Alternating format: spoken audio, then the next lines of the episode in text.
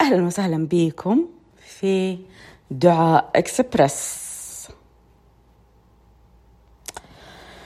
آخ صراحة ماني عارفة أقول السالفة من فين. بس اللي قاعد يصير معايا الفترة اللي فاتت هو السبب تبع season 2 season 2 حيكون فيه الأشياء اللي عديت فيها خلال الشهر اللي فات. وجالسة أتعلم منها.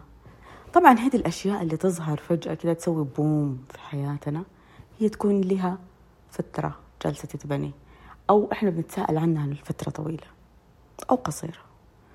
المهم إنه كل الأشياء اللي تظهر في حياتنا بتكون بناء على طلباتنا.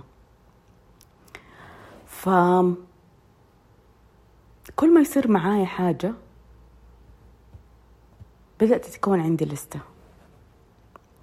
اللستة هذه اسمها إيش الأشياء اللي جالسة تنور لي طريقي؟ إيش الأشياء اللي أنا طلبتها من أول وقاعدة أتمناها وأبغاها تصير في حياتي؟ ودحين صار في هذه الأشياء اللي أنا لو كنت شجاعة بما فيه الكفاية وطالعت فيها. وقلت أيوة ممكن أغيرها. أيوة هذه الأماكن أنا مقصرة تجاه نفسي فيها حيغير كل شيء. ف أول شيء في هذه اللستة طبعا كان بالنسبة لي الشجاعة. والشجاعة إني أجرب شيء مختلف. الشجاعة إنه أنا ما عاد أحط أعذار تعرفوا إيش اللي مرة كان يضحك؟ آه إنه أنا كنت جالسة أطلب الوضوح أوكي؟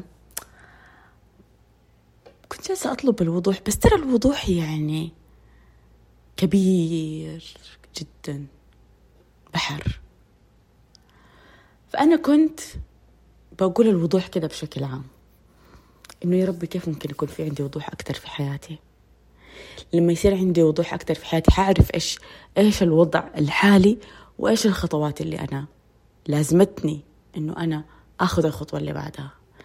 كيف ممكن إنه أنا تكون عندي الشجاعة والصدق التام مع الذات عشان أشوف دي الأماكن عشان أغيرها. وفي نفس الوقت أكون لطيفة مع نفسي خلال التغيير.